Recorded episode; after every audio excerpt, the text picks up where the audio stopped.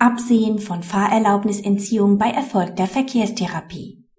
Von einer Entziehung der Fahrerlaubnis nach einer Trunkenheitsfahrt kann abgesehen werden, wenn seit der Tat und der Führerschein-Sicherstellung zehn Monate vergangen sind und der Angeklagte in dieser Zeit durch intensive verkehrspsychologische Maßnahmen seine Fahreignung wiederhergestellt hat der strafrechtlich bislang nicht in Erscheinung getretene Angeklagte war mit einer Blutalkoholkonzentration von 2,57 Promille im Straßenverkehr aufgefallen.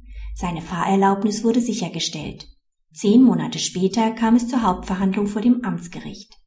Der Angeklagte hatte in der Zwischenzeit sich in verkehrspsychologische Beratung begeben und eine verkehrsindividualpsychologische Verkehrstherapie durchgeführt. Das Amtsgericht sah dadurch eine Ungeeignetheit zum Führen von Kraftfahrzeugen als nicht mehr gegeben an. Durch Vernehmung der verantwortlichen Verkehrstherapeuten stellt das Amtsgericht fest, dass der Angeklagte die Funktion des Alkohols erkannt und sich in der Verkehrstherapie alternative Handlungsweisen, die zukünftig einen Missbrauch von Alkohol vermeiden würden, erarbeitet hat vor diesem Hintergrund geht das Amtsgericht davon aus, dass eine Ungeeignetheit zum Führen von Kraftfahrzeugen nicht mehr feststellbar ist. Insofern verweist das Amtsgericht darauf, dass die Zeit der vorläufigen Fahrerlaubnisentziehung bzw. Sicherstellung des Führerscheins des Angeklagten auf diesen eingewirkt hat.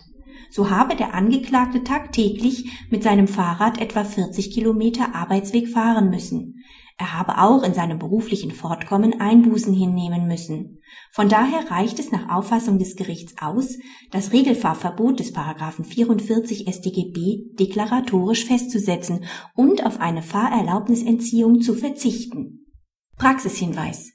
Das Urteil zeigt, wie wichtig es ist, die Zeit zwischen einer vorläufigen Entziehung der Fahrerlaubnis und der späteren Aburteilung bei einer Trunkenheitsfahrt sinnvoll zu nutzen. Insbesondere die Absolvierung verkehrstherapeutischer Maßnahmen kann hier sinnvoll sein. Das Amtsgericht geht sehr weit, wenn es annimmt, dass durch die Absolvierung einer verkehrsindividualpsychologischen Verkehrstherapie die Ungeeignetheit des Angeklagten zum Führen von Kraftfahrzeugen nicht mehr festgestellt werden könne. Ein derartiger Erfolg wird nicht bei jedem Gericht zu erzielen sein.